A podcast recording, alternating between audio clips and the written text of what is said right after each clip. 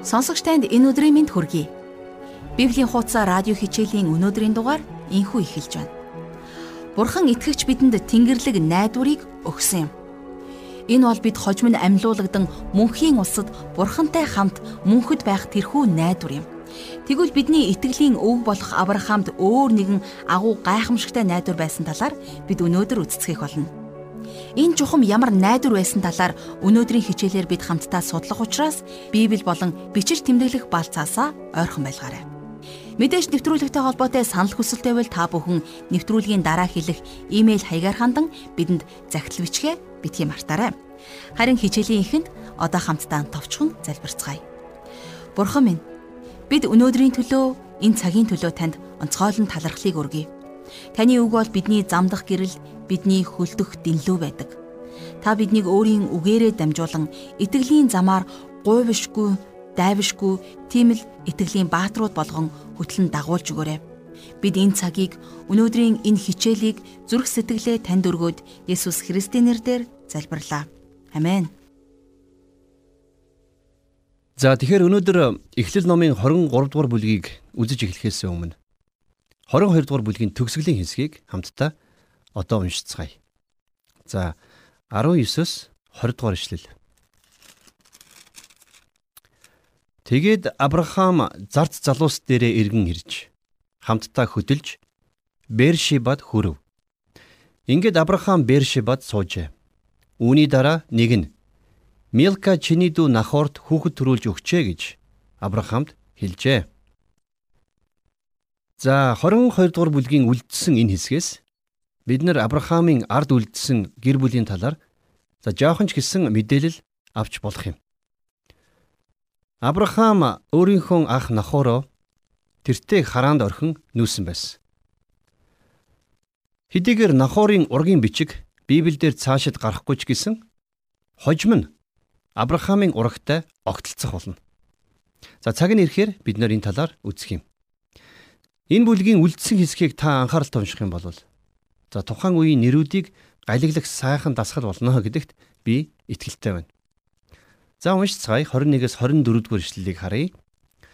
Түүний ууган хүү Уз, түүний дүү Буз, Арамын эцэг Кемуэл, Хисед, Хазо, Пилдаш, Едлаф, Битүэл нар болоо. Битүэл нь Ребекаг төрүүлжээ. Милка Авраамийн дүү Нахорт эдгээр 8 хүүхдийг төрүүлж өгчээ. Нахорын татвар им Ревма гихч Теба, Гахам, Тахаш, Мака нарыг төрүүлжээ гэсэн байна. За маш олон нэр гарч байгаа энд. За одоо хамтдаа үргэлжлүүлээд Эхлэл номын 23 дугаар бүлгийг үзэх болно. 23 дугаар бүлэг дээр Сара өөд болсон талаар за тэгээд бас Авраам эхнэрээ оршуулахаар Махпела дах нэгэн агуйг худалдан авсан талаар гардаг юм. Энэ түүхээс бид нар Авраамд байсан нэгэн гайхамшигтай итгэл найдварыг бас л олж харах болно. За ингээд Эхлэл номын 23-ын 1-р ишлэлийг хамтдаа уншицгаая. За 23 дугаар бүлгийн 1-ээс 2 дугаар ишлэлдэр Сара 127 наслав. Энэ нь Сарагийн амьдралын он жилүүд ажээ. Сара Канаан нутгийн Кирият Арба хэмээх газарт за одоогийн Хебронд үхв. Авраам Сарагийн төлөө гашуудан уйлахаар тэнд оров гэсэн байна. За тэгэхээр Сара өд болохдоо 127 настай байсан гэдгийг анхаараарай. Тэгээд Исаакийг мэдлэх үед 90 настай байсан гэхээр за Сараг өд болох үед Исаак 37 настай байсан гэсэн үг. За эндээс харах юм бол Сара Кирият Арба гэдэг газар буюу одоогийн Хебронд өөд болсон байна. Авраам бурхны өөрт нь амласан тэр газарт их нэртэй зориулж нэгэн агуйг худалдаж авсан байдаг. За ямар учраас Авраам их нэрээ өөр газарт оршуулаагүй юм болоо. Яагад гэвэл Авраам ирээдүйд тэр газар өөрийнх нь болно гэдэгт итгэж байсан юм. За тэгээд энэ бүлгийг цааш нь унших юм бол Сараг оршуулсан тухай түүх гарах болно. Нэг талаасаа энэ нь нэг их сонирхолтой биш, уйтгартай санагдаж болох ч а нөгөө талаасаа энд маш гайхамшигтай үннийг бид нар энэ бүлгээс олж мэдэх боломжтой. За 3-аас 4 дугаар ишлэлийг харъя. Тэрээр Сарагийн шарилын өмнө босож зогсоод хитчүүдэд хандаж би бол та нарын дундах харийн хүн буюу түр оршин суугч хүн. Та нар надад нэгэн оршуулгын газрын эзэмшлийг өгнө. Би шарилаа тэнд оршуулъя гэжээ. Авраам бурхны өөрт нь өгнө гэж амласан тэр газарт өөрийгөө харийн хүн түр оршин суугч гэж тодорхойлсон байна. За тэгээд хидчүүд Авраамд хариулсан нь. За энэ тухай 5-аас 6 дугаар ишлэлийг хараарай. Эзэн минь бидний үгийг сонс. Та бол бидний дундах хүчрхэг ноён мөн. Та бидний оршуулгын газраас хамгийн тохиромжтой газарт шарилаа оршуулаарай. Өөрийн оршуулгын газарт шарлигт нь оршуулахыг танд хориглох хүн бидний дотор байхгүй гэцгээв. За тухайн нутагт амьдарч байсан хитчүүд Авраамд их өгөөмөр хандснаар зогсохгүй. Авраамыг хүчрхэг ноён гэж нэрлсэн байдаг. За тэгэд өөд болсон хүнээ дуртай газараа оршуулж болно гэж дээр нь зөвшөөрсөн байна. Авраам тэдэнд маш хүчтэй нөлөөлсөн нь эндээс харагдаж байдаг. Гэтэл Авраам харин онцгой нэгэн хүсэлтийг тэдэнд сэргүүлж тавьсан. За энэ тухай 7-оос 9 дугаар ишлэлдэр Авраам босож тэр нутгийн хитчүүдэд бүхийн ясалж тэдэнд Хэрв та нар намайг нас барсан хүнээ нутаглуулахыг хүсэж байгаа бол миний үгийг сонсож миний төлөө Зохарын хүү Ефроноос гуйж түүгээр талбайнхан захад байгаа өөрийнх нь өмч болох Махпилагийн агуйг надад өгүүлээч. Тэрээр хангалттай үнээр агуйг оршуулгын газар болгон та нарын дунд надад өгөг гэсэн байна. За Махпила гэдэг газрыг Авраам сонгоод тэр газрыг нь худалдаж авахыг хүссэн. Авраам юугч зүгээр сул авахыг хүсээгүй. За өөрөөр хэлэх юм бол Бурхан Авраамд тэр газрыг өгөх хүртэл тэр өөрт хэрэгтэй бүхнээ худалдаж авна гэж шийдсэн байсан. За тэрч бүхэл эхнэрээ оршуулах агуу хүртэл худалдаж авсан баг. За би дахиад асууя. Авраам яагаад Сараг өөр газарт оршуулж болоогүй юм бол? Яагаад гэвэл Авраам эхнэрээ амлагдсан газарт оршуулсан. Авраам өөрийнхөө ирээдүйг тэр газартай холбож ойлгож байсан юм. За хэрвээ бид нар Библийг наривчлан уншиж судлах юм бол Бурханд хоёр янзын агуу зориг байсныг бид олж харна. За нэгдүгüрт нь энэ дэлхийд хандсан зориг. За нөгөө нь Тэнгэрлэг зориг байсан. Үнэн дээр Бурханд энэ дэлхийд хандсан агуу зориг байсан юм. Бурхан та бидний амьдран байгаа энэ дэлхийг шинжлэн өөрчилж үн мөнхөд оршин тогтнох болно. За энэ бол Бурхны энэ дэлхийд хандсан зориг юм. Өөрөөр хэлэх юм бол Бурхан шин тэнгэр, шин газрыг бий болгох болно. А гэхдээ энэ шин газар нь энэ дэлхий байх болно. Энэ дэлхий үрд мөнхөд оршин тогтнож, дээр нь хүмүүс амьдрах юм. За энэ бол Авраамд болон түүний үр удамд өгсөн Бурхны амлалт байлаа.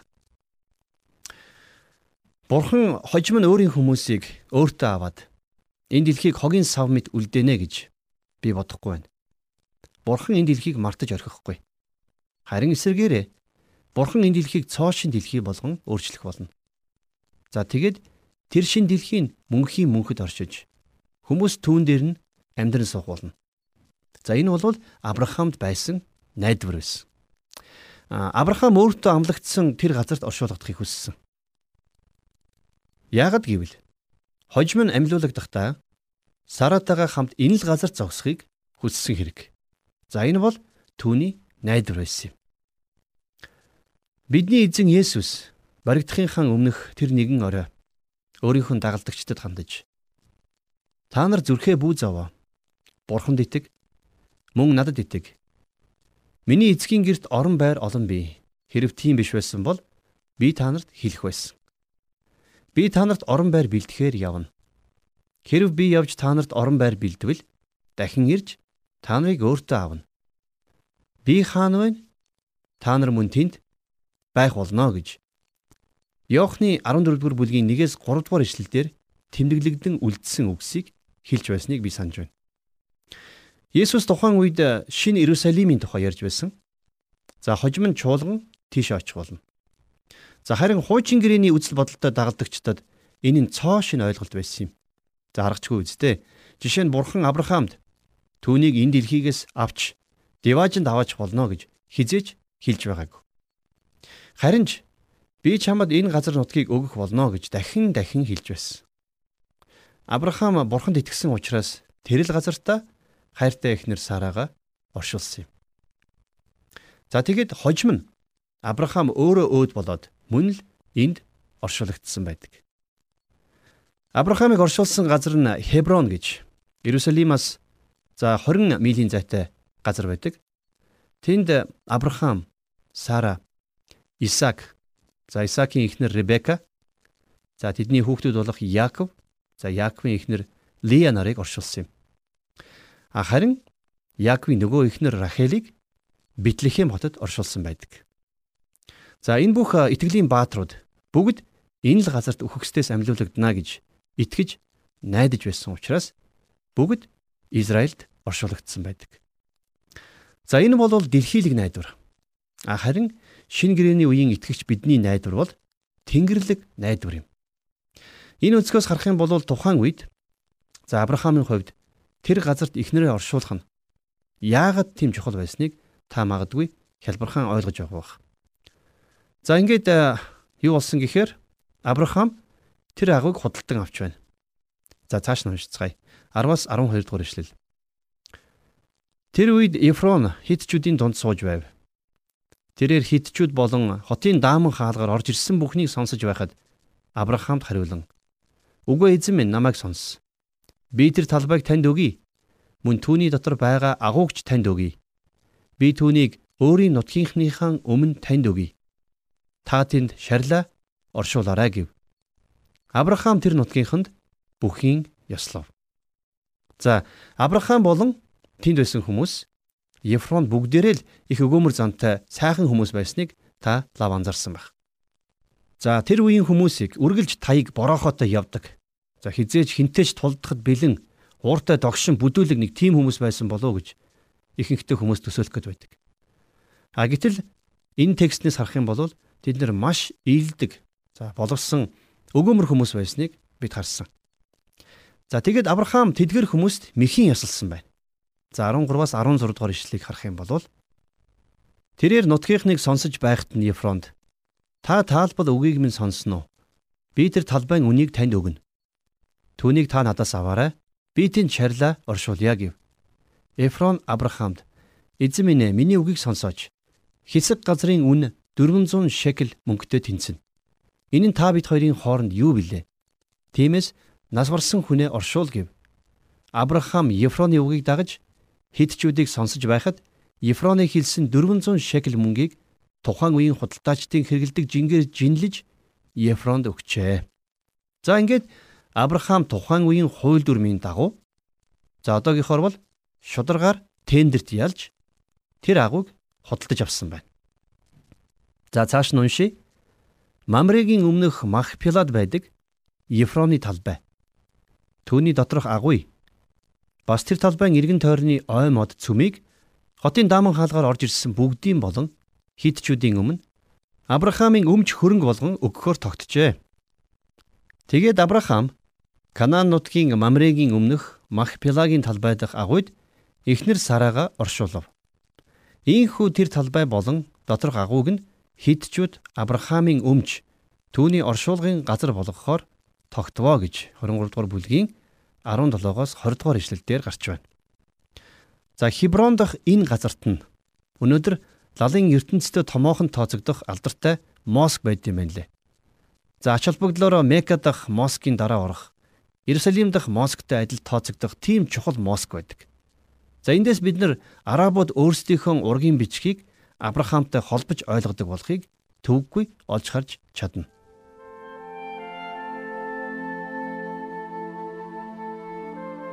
Тийм ээ, Бурхан бидэнд итгэл найдварыг өгсөн. Бидэнд хожим мөнхийн усад Бурхантай үрд мөнхөд хамт байх тийм л итгэл найдвар. Энэ бол бидний тэнгэрлэг итгэл найдвар юм. Заримдаа бидний амьдралд янз бүрийн нөхцөл байдлуудаас болоод итгэл найдваргүй болчихсон юм шиг санагдах үе бишгүй л их байдаг.